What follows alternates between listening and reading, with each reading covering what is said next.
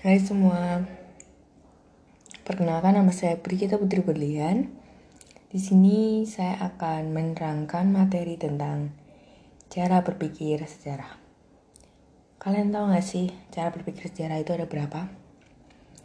Cara berpikir sejarah itu ada dua, yaitu cara berpikir secara diakronik dan cara berpikir secara sinkronik. Nah, yang pertama, saya akan menjelaskan tentang cara berpikir diakronik dulu ya.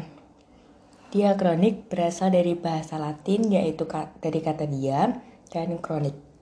Dia yang artinya melalui dan kronik yang artinya waktu. Menurut Galtung, diakronik berasal dari bahasa Yunani yaitu dia artinya melintasi atau melewati dan kronos yang artinya perjalanan waktu. Dengan demikian juga, diakronik bisa diartikan suatu peristiwa yang berhubungan dengan peristiwa-peristiwa sebelumnya dan tidak berdiri sendiri atau terjadi secara tiba-tiba. Nah, cara berpikir diakronik itu mengutamakan dimensi waktu dalam dimensi ruang terbatas.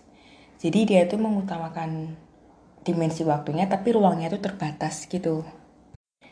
Dengan cara berpikir diakronik, kajian sejarah dapat fokus pada pembahasan tentang suatu gerak dalam waktu dari kejadian-kejadian konkret Secara singkatnya, cara berpikir diakronik ini memandang peristiwa dalam sebuah transformasi atau gerak sepanjang waktu.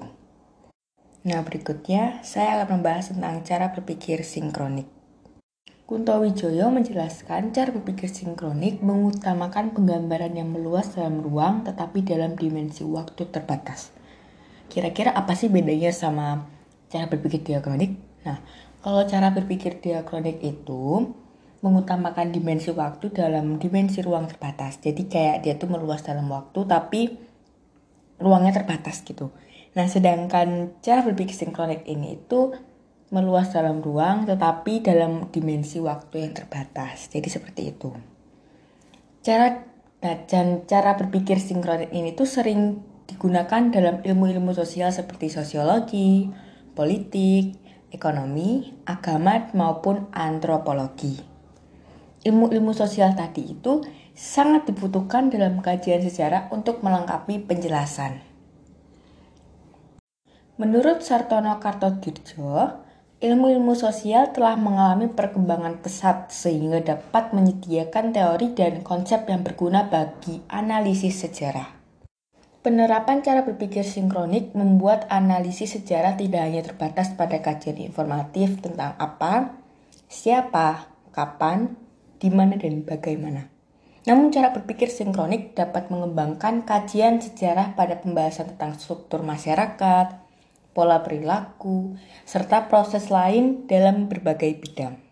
Nah, setelah mengetahui pengertian cara berpikir diakronik dan sinkronik, selanjutnya saya akan membahas tentang perpaduan cara berpikir diakronik dan sinkronik dalam karya sejarah. Sejarah itu identik dengan cara berpikir diakronik.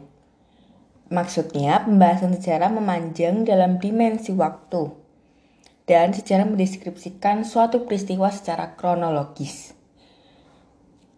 Namun, sejarah itu penggunaan pendekatan ilmu-ilmu sosial dalam pembahasan sejarah menjadikan kajian sejarah bersifat sinkronik juga nih, yang maksudnya Pembahasan sejarah memanjang dalam dimensi waktu dan meluas dalam dimensi ruang. Dan pendekatan ilmu-ilmu sosial dalam pembahasan sejarah sangat diperlukan agar peristiwa sejarah dapat disajikan secara komprehensif atau luas, lengkap, dan tuntas.